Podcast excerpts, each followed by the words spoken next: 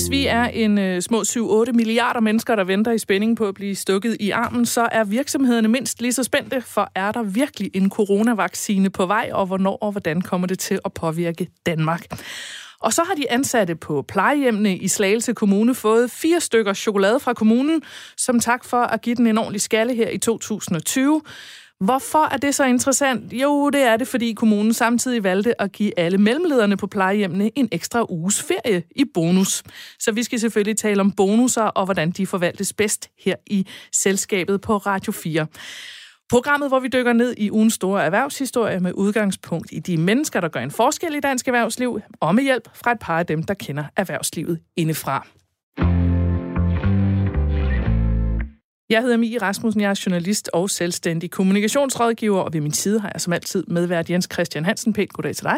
Pænt goddag. Du er journalist og mangeårig erhvervskommentator, og så har vi som altid også to paneldeltagere i studiet. Laura Lindahl, velkommen til. Tak skal du have. Endnu en gang fast paneldeltager i uh, selskabet, og også direktør i DFM, Dansk Facilities Management, en forening, der samler folk og deler viden inden for central virksomhedsdrift, IT, køkkendrift osv.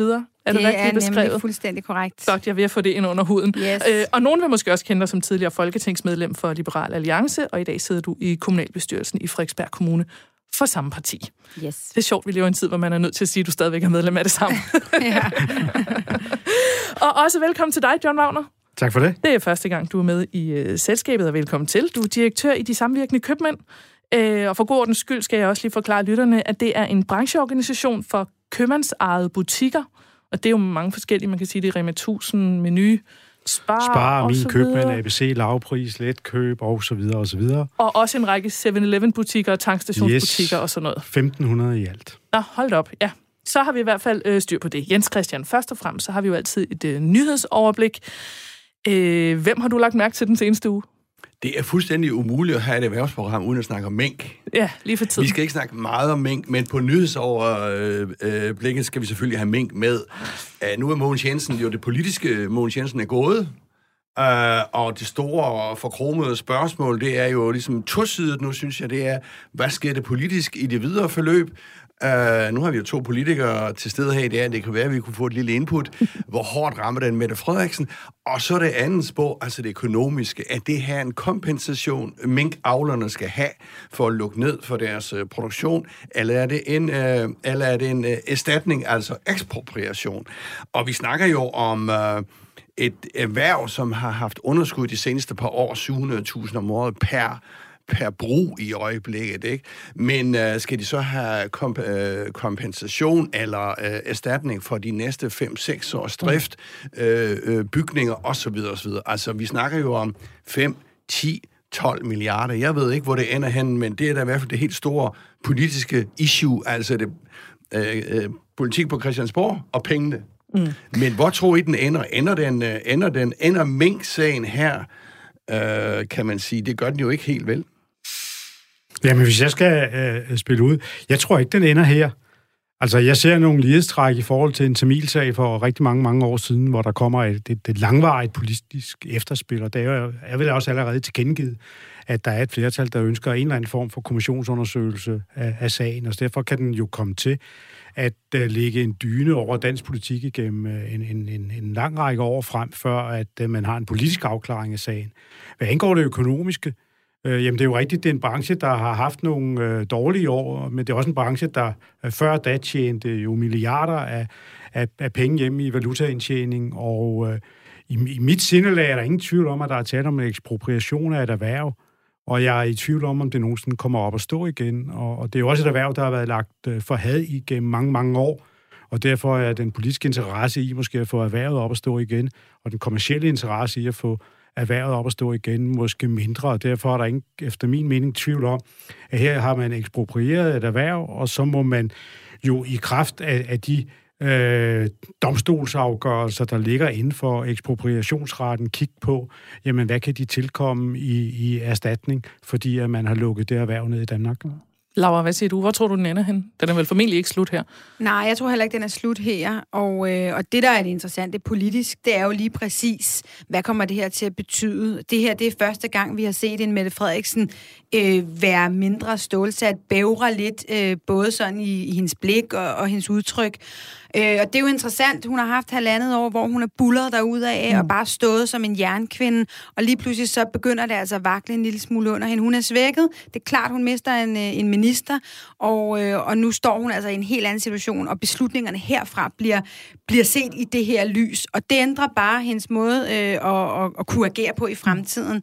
Øh, hun er i den heldige situation, at hun har jo danskerne med sig i forhold til deres forhold til mink. Og det er jo ligesom det eneste, hun kan knytte sig til, det er, at hun kan prøve at holde folkesundheden op mod et, et erhverv, man kan i talsæt, som, som det bliver gjort som dyremishandling osv. Men, øh, men hun har en rigtig dårlig sag, og det er meget alvorligt for hende. Jeg tænker også, uanset hvad, så kommer det hvert fald til at forandre den måde, der bliver kommunikeret øh, fra regeringens side omkring corona øh, fremadrettet. Og skal vi ikke øh, love vores lytter, at vi vender tilbage, når pengene er på bordet? jo, jo, skal men vi ikke love, det ikke er sidste gang, vi har talt om mink. nu er vi så øh, i nyhedsfløvet. Lad mig lige øh, komme med en lille solstråle-historie midt i mørket. Ja, lad os, lad os endelig få det på banen. Uh, jamen altså, dansk, dansk erhvervsliv er jo bygget op af mange små virksomheder, der bliver store.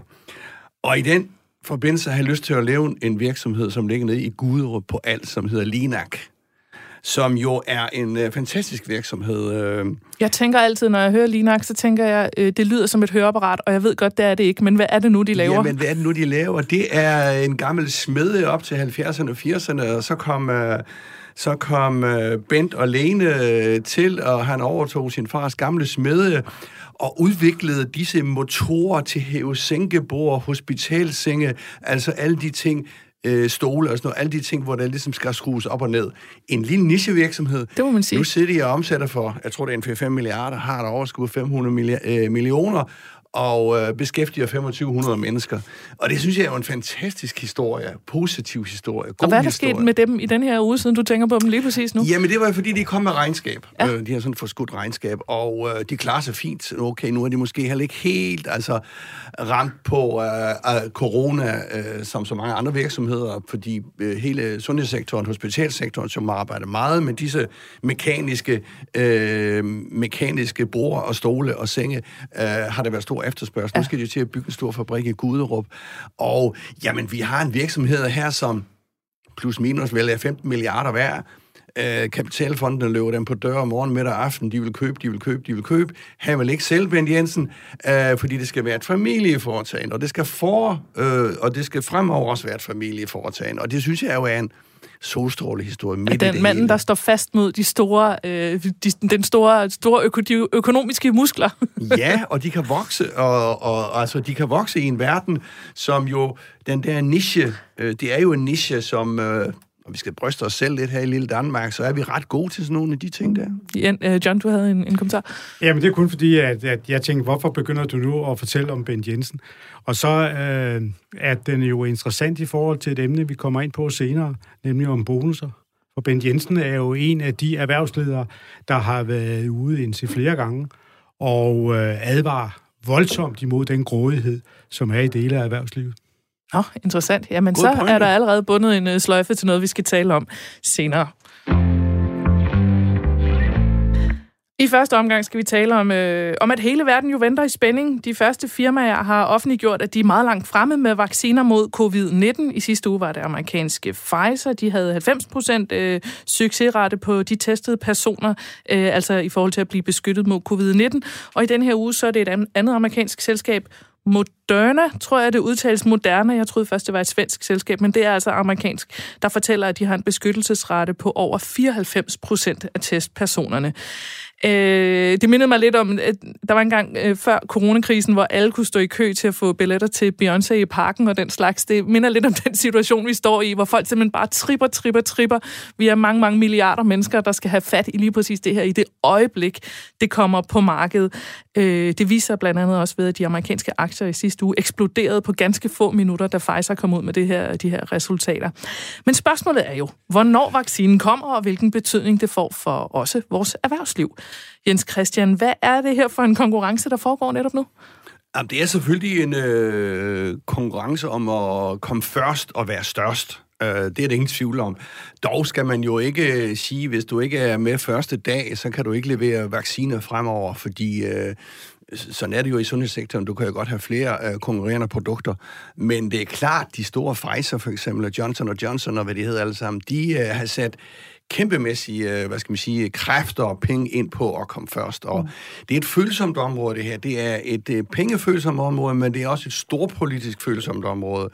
Jeg husker jo nu, da Putin for eksempel uh, i august, tror jeg det var, han sagde, nu havde han en vaccine, han havde tjekket den på sin næse, eller var det 12 personer i nærheden.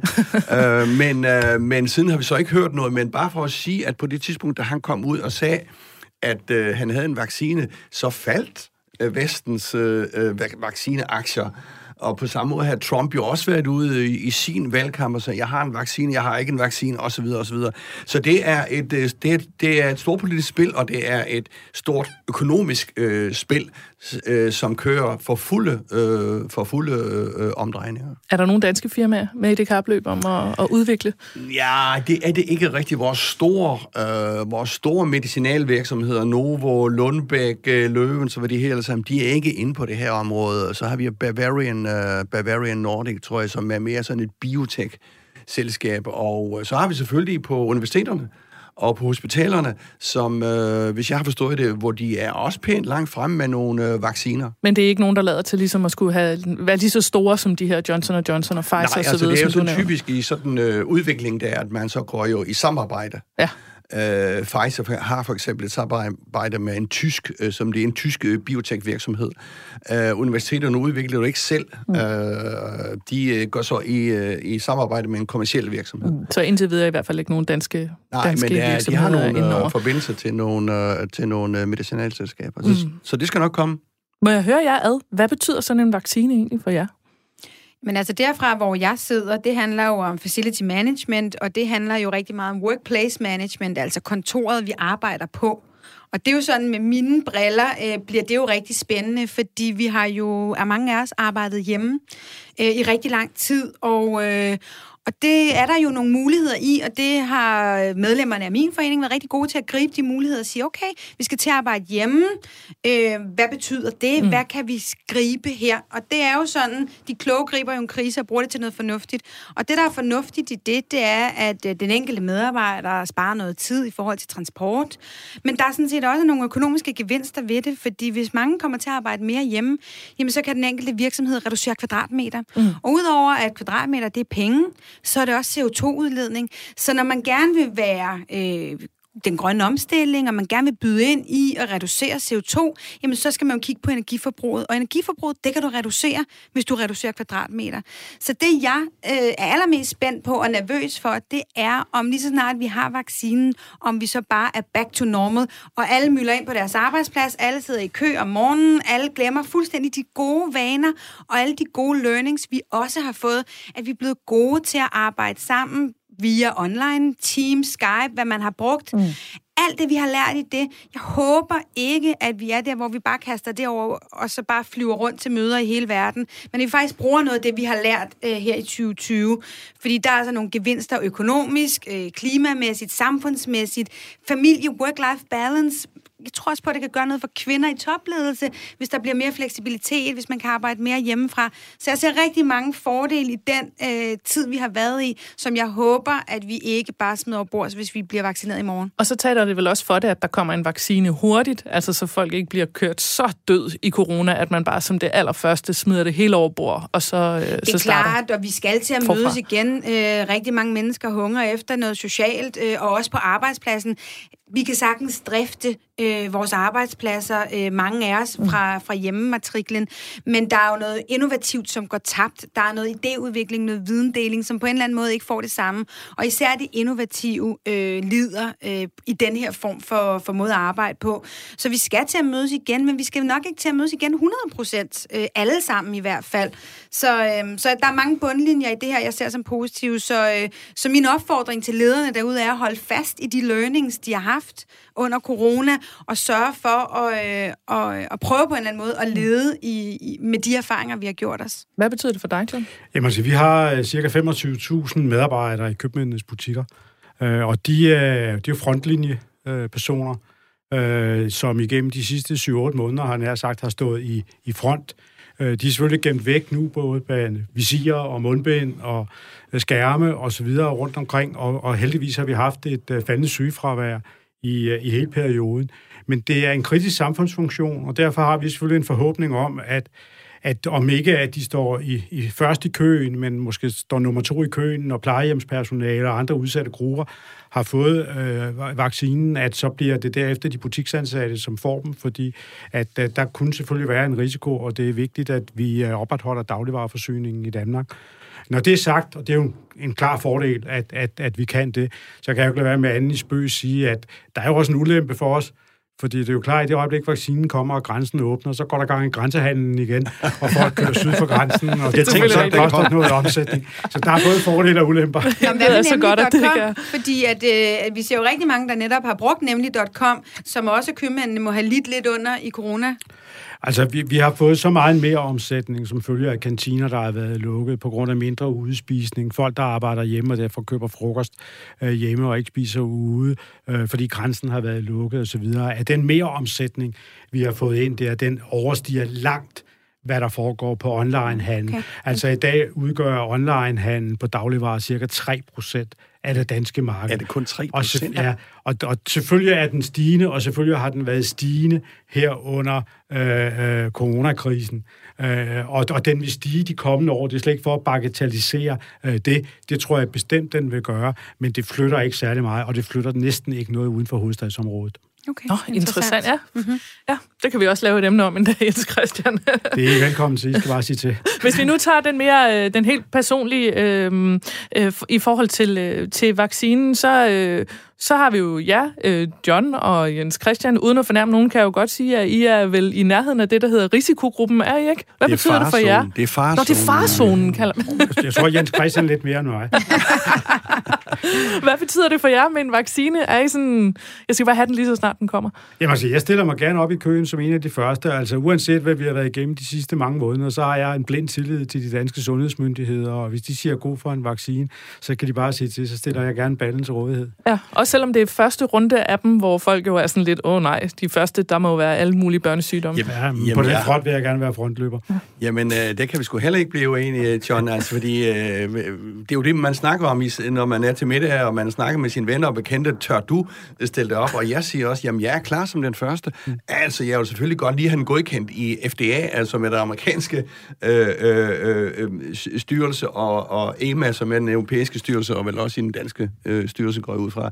Og jeg vil også godt lige vide, hvad det er for nogle bivirkninger. Ja. Altså, øh, men, men øh, som jeg hører det nu, så, så, øh, så er jeg klar til at, at få nålen i armen i morgen og få den der dosis. Ja. Hvad med dig, Jamen, Laura? Du er på, også bare klar? Ja, jeg har det på, på samme måde. Og, og det, man skal huske, det er, at selvom at man ikke øh, selv er i risikogruppen, så har jeg en mor, som er kraftsyg. Så jeg er jo også tæt på nogen, hvorfor jeg gerne vil, vil sikre mig øh, vaccinen også. Så selvom at jeg måske ikke selv er øh, i risikogruppen, så, øh, så er jeg tæt på nogen, der er. Og derfor betyder vaccinen jo rigtig meget for rigtig mange mennesker, uanset øh, hvor man er henne. Jeg tænker, øh, nu er der ikke nogen af os, der er ansvarlige for beredskabet i Danmark, og slet ikke det sundhedsmæssige, mm. men jeg forestiller mig, at der må komme en masse debat i Danmark om, hvem skal have først, hvem skal have som nummer to og nummer tre, fordi personligt kan jeg sige, at jeg har en fornemmelse af, at jeg måske er den aller sidste, der skal have den. Og det er heller ikke sjovt, vel? Eller nu skal, det ikke, skal jeg ikke tale mig selv ned på den måde, men tænk, den aller sidste, der skal have vaccinen, det er den mindst vigtige person i Danmark. Den nej, man heller det er den stærkeste. Det, det er den stærkeste, ja. jo.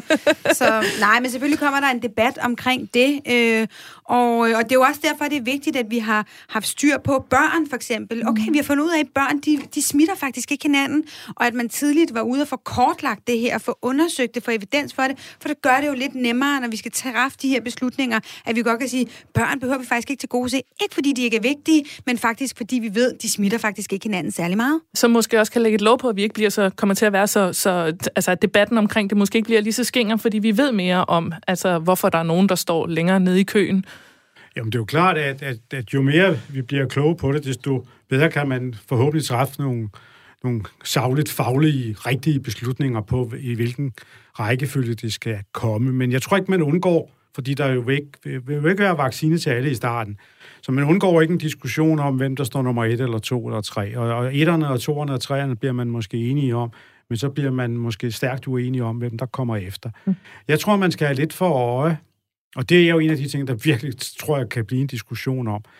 Skal man satse alt på at få vaccineret ældre, som kan have svært ved at tåle at blive syge, eller skal man satse for at få fat på de unge mennesker, de etniske grupper, i specielle boligområder, hvor man bor meget tæt, for at undgå yderligere smittespredning. Og vi har jo set øh, i de seneste dage, at der er kommet statistikker frem, hvor der viser en klar øh, sammenhæng imellem, uh, hvor meget boligareal uh, folk har til rådighed, og uh, smittespredningen. Og, uh, og jeg er glad for, at jeg ikke er politiker, ja. og skal træffe den beslutning. Og jeg kan forestille mig allerede, hvor nogle partier siger det ene, og hvordan nogle andre partier siger det andet, når man skal tage stilling til, øh, hvem der skal tilgodeses med vaccinen mm. først. Jens Christian. Men jeg ved ikke, hvor stort problem det bliver. Det bliver selvfølgelig et, øh, noget, øh, givetvis en tidsforskydning, men øh, som, som jeg har forstået det, så er de store øh, virksomheder sådan set alle gang, allerede i gang med produktion, og de kan producere meget hurtigt. Øh, EU har så på alle EU-landes øh, øh, øh, øh, øh, ordre bestilt, jeg tror, det er 2 milliarder doser. Øh, vi har jo ikke 2 milliarder i, øh, i Europa, så jeg ved ikke rigtig, hvorfor de øh, bestiller så meget. Det er til 25 kroner. Uh, undskyld, 25 dollar per dosis. Uh, så altså bare for at sige, at, at hvis den bliver godkendt, så kan det gå meget, meget hurtigt. Så skal sundhedspersonalet selvfølgelig kunne stikke os i armen, og vi skal alle sammen ind over. Og så er det jo selvfølgelig den der store interessante diskussion, også jo som øh, sådan er konspiratorisk, synes jeg, hvor mange jo siger, at de ikke vil vaccineres, og kan man så tvangsvaccinere? Det kan man vel næppe.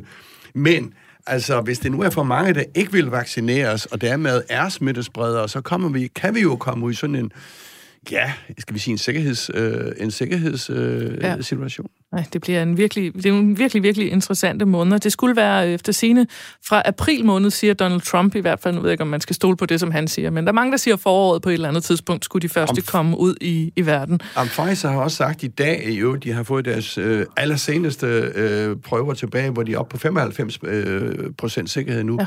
at de er klar til at levere i april. Hvis og hvis, hvis de der øh, FDA og øh, hvis myndighederne øh, mm. de, øh, de godkender det. John, du havde en kommentar? Ja, der er jo et lovforslag til behandling i Folketinget. Jeg mener, det er torsdag, så det må så være i dag, øh, at øh, hvor man skal tage stilling til, om arbejdsgivere øh, må forlange af deres ansatte, at de bliver testet. Og, og tilsvarende må man jo på et tidspunkt få en diskussion, kan man forlange af sine ansatte, at de bliver vaccineret. Og, og, og jeg går faktisk og spørger mig selv lige i øjeblikket, og skal der have undersøgt, jamen, hvad gjorde man tilbage i tiden, altså tilbage øh, i 50'erne og 60'erne, hvor det var andre epidemier, der truede, og hvor vi blev vaccineret som børn. Var det faktisk dengang et krav, at alle skulle vaccineres, eller kunne man sige nej? Så man må have nogle fortilfælde i forhold til, jamen, hvad gør man i, i nogle sådan situationer? Hvornår tilsiger folkesundheden, at man er nødt til at stille krav til de sidste for at undgå, at, øh, at der hele tiden fortløbende er en smittespredning. Mm. Jeg har et stort spørgsmålstegn i forhold til det, men det bliver en meget interessant diskussion, det er det jeg sikker gør det virkelig. Laura? Ja, fordi jeg har nemlig øh, tidligere interesseret mig meget for øh, mæslinger og MFR-vaccinen øh, og været inde i den debat. Og øh, der øh, stillede jeg faktisk forslag på Frederiksberg Kommune, hvor jeg sidder i kommunalbestyrelsen, om, at vi stiller som kommune et krav til vores ansatte i daginstitutionerne, at de skal have MFR-vaccinen, fordi de kan øh, smitte, og mæslinger kan være give hjernebetændelse og, og være dødeligt. Og det måtte jeg ikke. Det er i strid med loven, at vi som arbejdsgiver må stille krav til øh, pædagogerne i daginstitutionerne om, at de skal have en, vi, en, en, en vaccine, fordi det, ikke, øh, det mener de ikke er proportionalt. Men der er selvfølgelig noget andet, når det er en øh, epidemi, og på den måde noget folkesundhed, men man måtte altså ikke øh, med det. Øh, så, men, men helt enig, det bliver, det bliver meget mm. interessant. Det er en meget kompleks situation, vi er på vej ind i, og vi skal også lægge den her debat ned til allersidst øh, meget kort. Jens Christian, tænkte jeg lige at høre dig ad, om øh, sådan som øh, økonomien er, er, er spændt for lige nu, hvor alle sidder, altså hvor det hele, det, det, er sådan, det ryster fuldstændig vildt i det øjeblik, der kommer et firma og siger, nu har de en vaccine klar. Har du noget eksempel på fortilfælde, hvor det har været på den her måde, hvor hele, sådan, hele verden sådan, øh, sådan, øh, hvad skal man sige, er påvirkelig af, af sådan nogle udmeldinger? Ja, det kan man faktisk sige. Nu ikke lige inden for sundhedsområdet, men vi havde jo finanskrisen i øh, 2008, og det er en helt anden verden, I know. Men da gik de store centralbanker ud og pumpede penge ud i samfundet. øh, med en kæmpe stor vaccinesprøjte øh, og fik samfundet øh, op at køre igen. Altså man kan godt sammenligne det lidt øh, med sådan nogle øh, enormt store hvad skal man sige, øh, øh, øh, indsatser, som jo nu om stunder er globale. Og så bliver der ikke mere snak om vaccine i denne her omgang. Det er helt sikkert heller ikke sidste gang, vi har snakket om det. Om lidt skal vi tale om bonusser og hvordan man uddeler dem bedst muligt. Og vi skal også tale om direktøren i Net, der endnu en gang har hævet et ikke helt undseligt øh, bund penge med ud af en øh, fusion.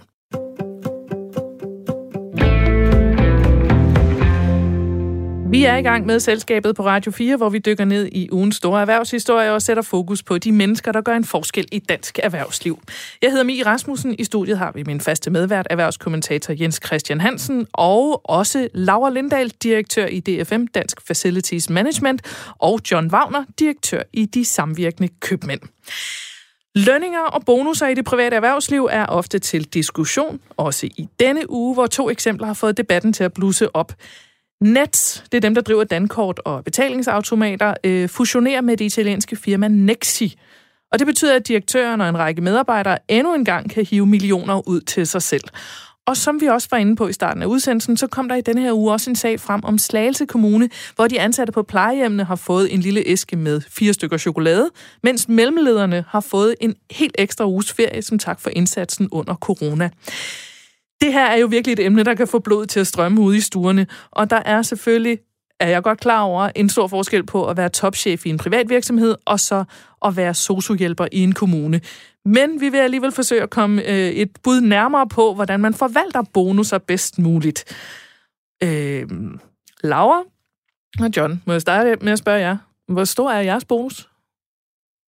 Jeg har ikke nogen bonus. Jeg har slet ikke nogen bonusaftale. Men jeg er stor fan af bonusaftaler, men jeg har ikke nogen selv.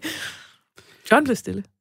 Jamen, det gør jeg, fordi at, at det er jo et forhold mellem bestyrelser og jeg, hvad jeg er stillet ja, ja. i udsigt i forskellige situationer. Men øh, jeg har ikke Men været, så, dygtig, så, jeg har har ikke været så dygtig en forhandler som Bo Nielsen, det vil jeg sige.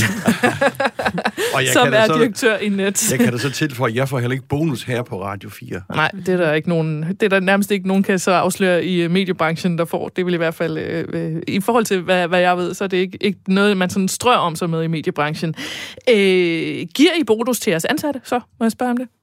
Nej, jeg har ikke i mine kontrakter fast øh, mm. en bonus. Øh, det kunne jeg godt forestille mig at lave på sigt. Jeg har kun været direktør i godt et år øh, og, øh, og skulle revitalisere den her forening. Mm. Men jeg kunne godt forestille mig at arbejde med det på sigt. Øh, på, øh, på sådan nogle forskellige parametre, både nogle bløde parametre og nogle, nogle hardcore kopier. Øh, som sagt, jeg, jeg mener, at bonusser er et rigtig godt ledelsesværktøj i forhold til at skabe incitamenter og, og fremdrift, og også noget med, at målene er meget klare, og hvis man når de mål, jamen, øh, så, så udløser det en eller anden bonus. Mm. Men det skal jo selvfølgelig være noget ud over øh, det normale ja. arbejde, det er klart. Ja. John, giver I bonus til de ansatte? Uh, vi giver påskyndelser, hvis der ydes en helt ekstraordinær indsats, mm. så er der også nogen, der kommer til at, at mærke det på lønningsposen uh, på længere sigt. Men, men jeg er meget uh, kritisk indstillet over mm. for, for uh, sådan hårde KPI'er, fordi at jeg mener, at det er ekstremt vigtigt, uh, både i det hårde erhvervsliv, men, men, men ikke mindst i en interesseorganisation, uh, at uh, man tænker langsigtet. Mm. Og de der barske øh, KPI'er kan jo godt få folk til at tænke øh, kortsigtet. Mm. Og, og med KPI'er og, og, skal vi måske lige understrege for folk, det er det, der hedder Key Performance Indicators, som er øh, ofte er tal jo i virkeligheden, hvor man stiller op, at hvis du laver en ekstra indtjening på, det ved jeg ikke, 1000 kroner i gennemsnit om dagen, så får du så så meget udløst Nej, men det bonus, kan jo også eller? være, at du øger din medarbejdertilfredshed, mm-hmm. at øh, du måler på trivslen på din arbejdsplads, og den stiger år for år. Så det behøver jo ikke, altså det er sådan lidt i virkeligheden en gammeldags tankegang, at det er sådan nogle hårde salgstal. Mm. Man kan jo have kopier på alt muligt, som netop har fokus på at være en god kollega, og alt muligt mm. kan man måle på. Men der, hvor jeg er kritisk, det er, at der er nogle ting, man kan måle på Øh, en interesseorganisation, der er det svært at gøre en øh, vellykket planlovsrevision, eller hvad det nu måtte være, øh, op i tal, og så sige, at det bør udløse et eller andet. Så derfor mener jeg, at i foreningsverdenen, der kan det være meget vanskeligt at operere med det. Men jeg synes også, at hvis man kommer ud i erhvervsvirksomheder, hvor der kan være nogle KPI'er, der knytter sig til øh, til omsætningsudvikling, til øh, indtjening inden for nogle vareområder, til markedsføringstilskud og andre ting, jamen der kan det jo få medarbejdere til at tænke øh, ekstremt kortsigtet for at, at redde noget hjem, øh, og, og derefter så siger de farvel og, og drager videre til den næste virksomhed, men efterlader måske en lang række problemer på CSR-området eller på HR-området i deres kamp for at, at, at få noget KPI hjem. Så derfor er jeg noget kritisk indstillet over for mm. det, og synes faktisk, at øh, både en bestyrelse i forhold til en direktør, og ledelsen, altså direktionen, mellemledere i forhold til deres ansatte, øh, sky, øh, skylder medarbejderne at kigge på deres hele og fulde indsats, og ikke noget, man bare kan sætte op i, sætte op i Excel-ark. Jens Christian, jeg ved, at du, du har flere gange her i programmet givet udtryk for, at du er træt af bonusordninger. Hvad er der galt med dem? Undskyld. Ja, men host, det er jo sådan set, det. ja, host.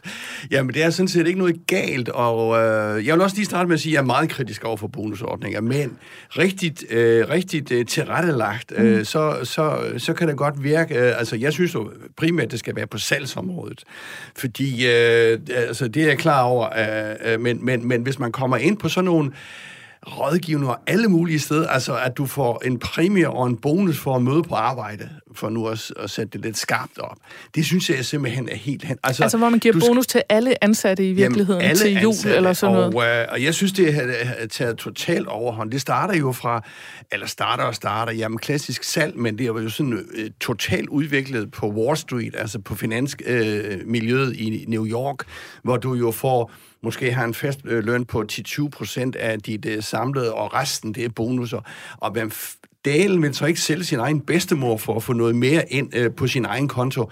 Og jeg, øh, jeg er lidt enig med John der, altså det, det bliver hurtigt lidt kortsigtet.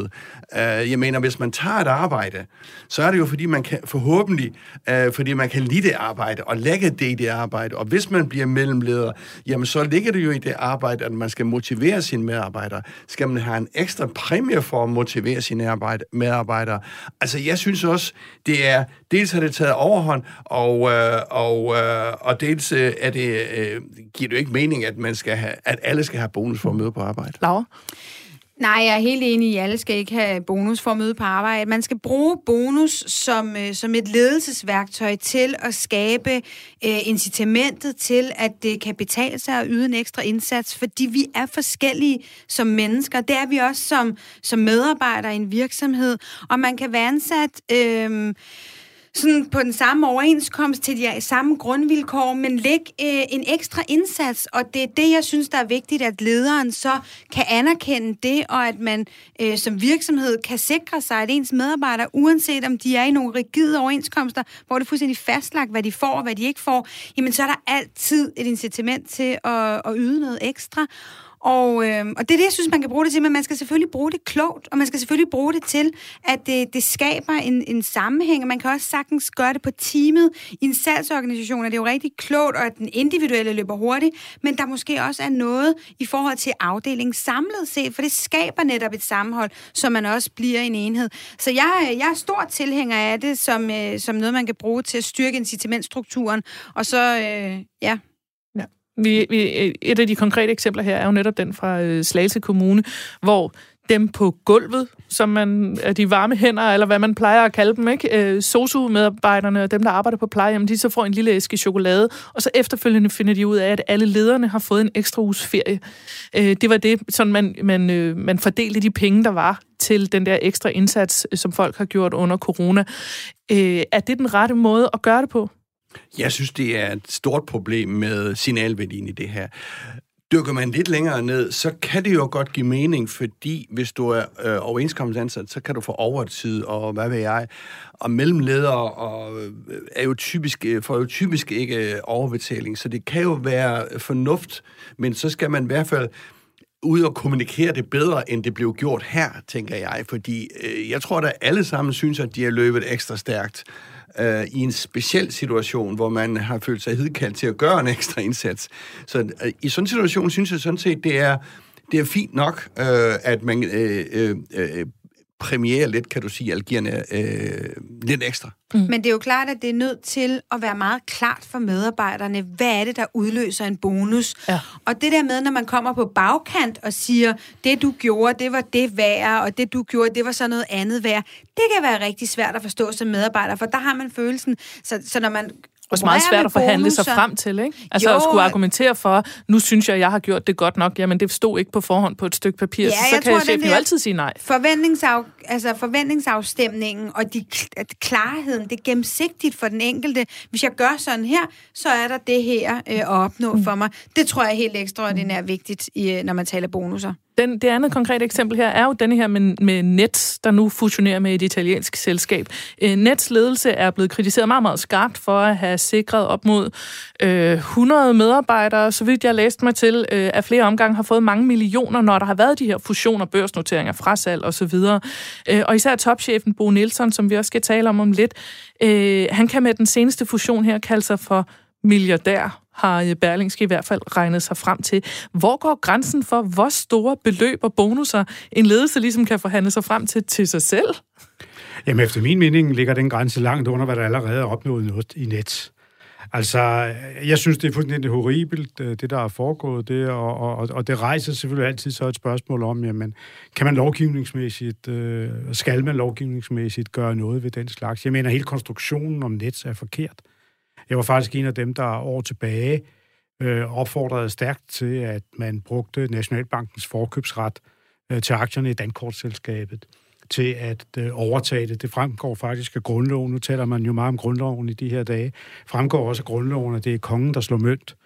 Og i realiteten er Dankortet jo vores mønt i dag. Ja. Og derefter, derfor er det, har hele den konstruktion omkring Nets og hvor, som nu er blevet forhandlet flere gange, og hvor udenlandske kapitalfonde og, og en direktør og en lang række medarbejdere har opnået meget gunstige økonomiske forhold. Det mener jeg faktisk burde være kommet os alle sammen i form af den danske stat øh, til gavn. Men øh, det var politisk meget betændt overhovedet bare at sige det dengang. Det var øh, ideologisk jo helt forkert. Øh, det var en privatiseringsbølge, der red over Danmark dengang. Og derfor at tale om, at Nationalbanken skulle overtage Dankortselskabet, det blev jo nærmest betragtet som om, man var sådan noget halvstalinist eller sådan et eller andet. Men jeg tror, der er mange, der i dag er også over, at man ikke tog en grundigere diskussion om det. Ja, det tror jeg også. Jens Christian? Ja, men det, altså, det er jo meget spændende med, med Nets her, fordi det er jo rigtigt som, øh, jeg tror det var i 2013, det blev solgt øh, for øh, 17 milliarder kroner. Det var Nationalbanken, der ejede det, det var banken, der ejede det, det var sådan et nationalt øh, klenod, øh, kan du sige, og så pludselig blev det smidt ud på det frie marked, øh, og prisen var 17 milliarder. Siden er det handlet frem og tilbage, det her på børsen, der er børsen igen, og nu handles det igen, og nu er øh, prisen pludselig op mod 50 milliarder. Så man, man kan sige, her, er det den kloge, den er den mindre kloge, fordi man kan sige, hvis Bo Nielsen og company, og jeg er fuldstændig enig i, at de her bonusprogrammer er gået helt over gevind, men hvis de kan se de værdier der, hvad med så de tidligere ejere? De har jo sovet i timen, øh, kan man sige, fordi de har jo bare foræret, sådan lidt groft sagt, øh, en del af virksomheden væk. Øh, og det er også noget, vi skal have med her. Altså, der findes nogle mennesker, der er gode til at se nogle strategiske muligheder. Vi er nødt til at have nogle større enheder for ligesom at konkurrere mod, øh, mod Asien, mod Kina og USA, så vi skal have nogle større enheder.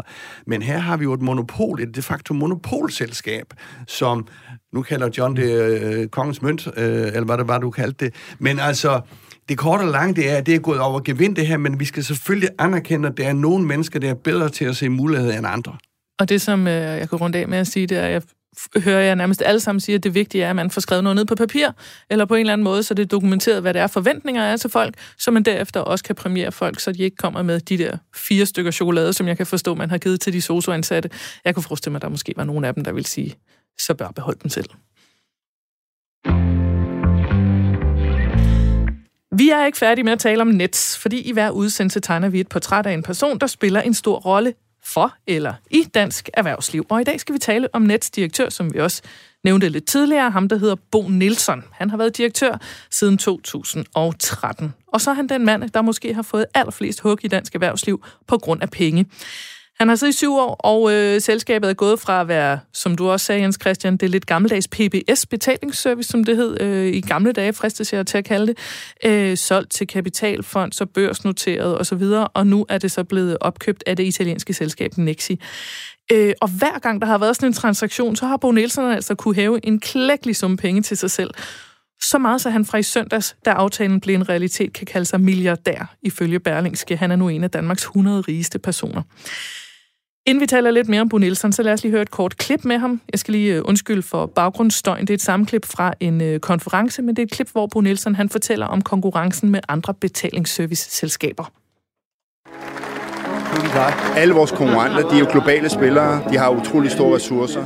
Og for at være konkurrencedygtige på et internationalt plan, som det vi har ambitioner om, så er vi nødt til at være super innovative og følge udviklingen, og helst være foran helst være foran dem, siger han. Et klip, øh, som sagt, fra en konference hos advokatfirmaet Horten i januar i år. Jens Christian Bo Nielsen her, han øh, lagde måske lidt op til det selv, men er nødt til at øh, kunne spille lige op med de rigtig store virksomheder, hvis man vil overleve. Er det sådan, Bo Nielsen tænker?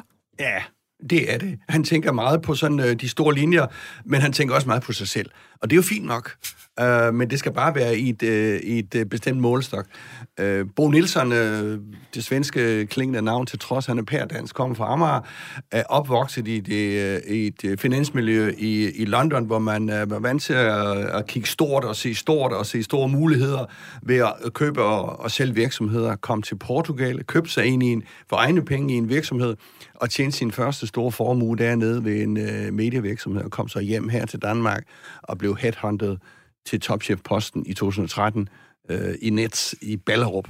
Øh, så det er den korte øh, præsentation af, af Bo Nielsen. Jeg har været ude og, og snakke med ham en gang, og han er... Øh, jeg synes, han er lidt, øh, lidt glat øh, at snakke med ham. Man kan ikke så lige få fat i ham, øh, hvis man øh, sidder og snakker med ham.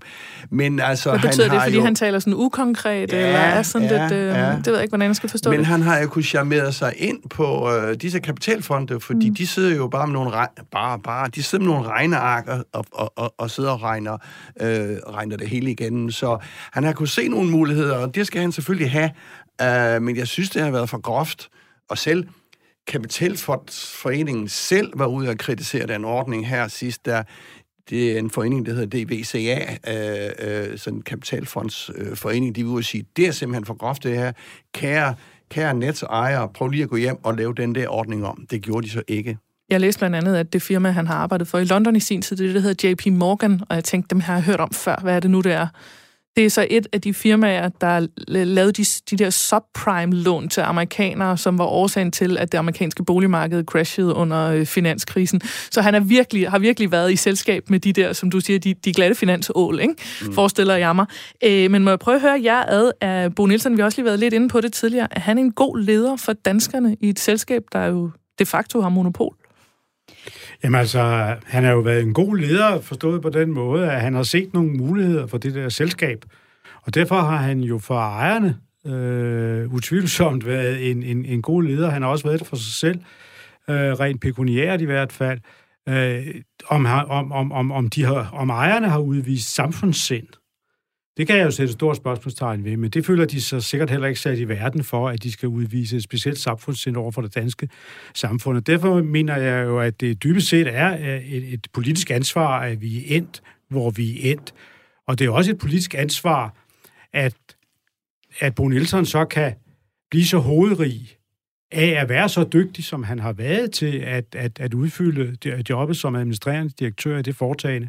For man kunne jo fra politisk hold sætte nogle grænser for, hvilket forhold der må være mellem for eksempel årsaflønning og, og bonus. Altså, der er jo nogle muligheder for at gå ind og sige hertil og ikke længere.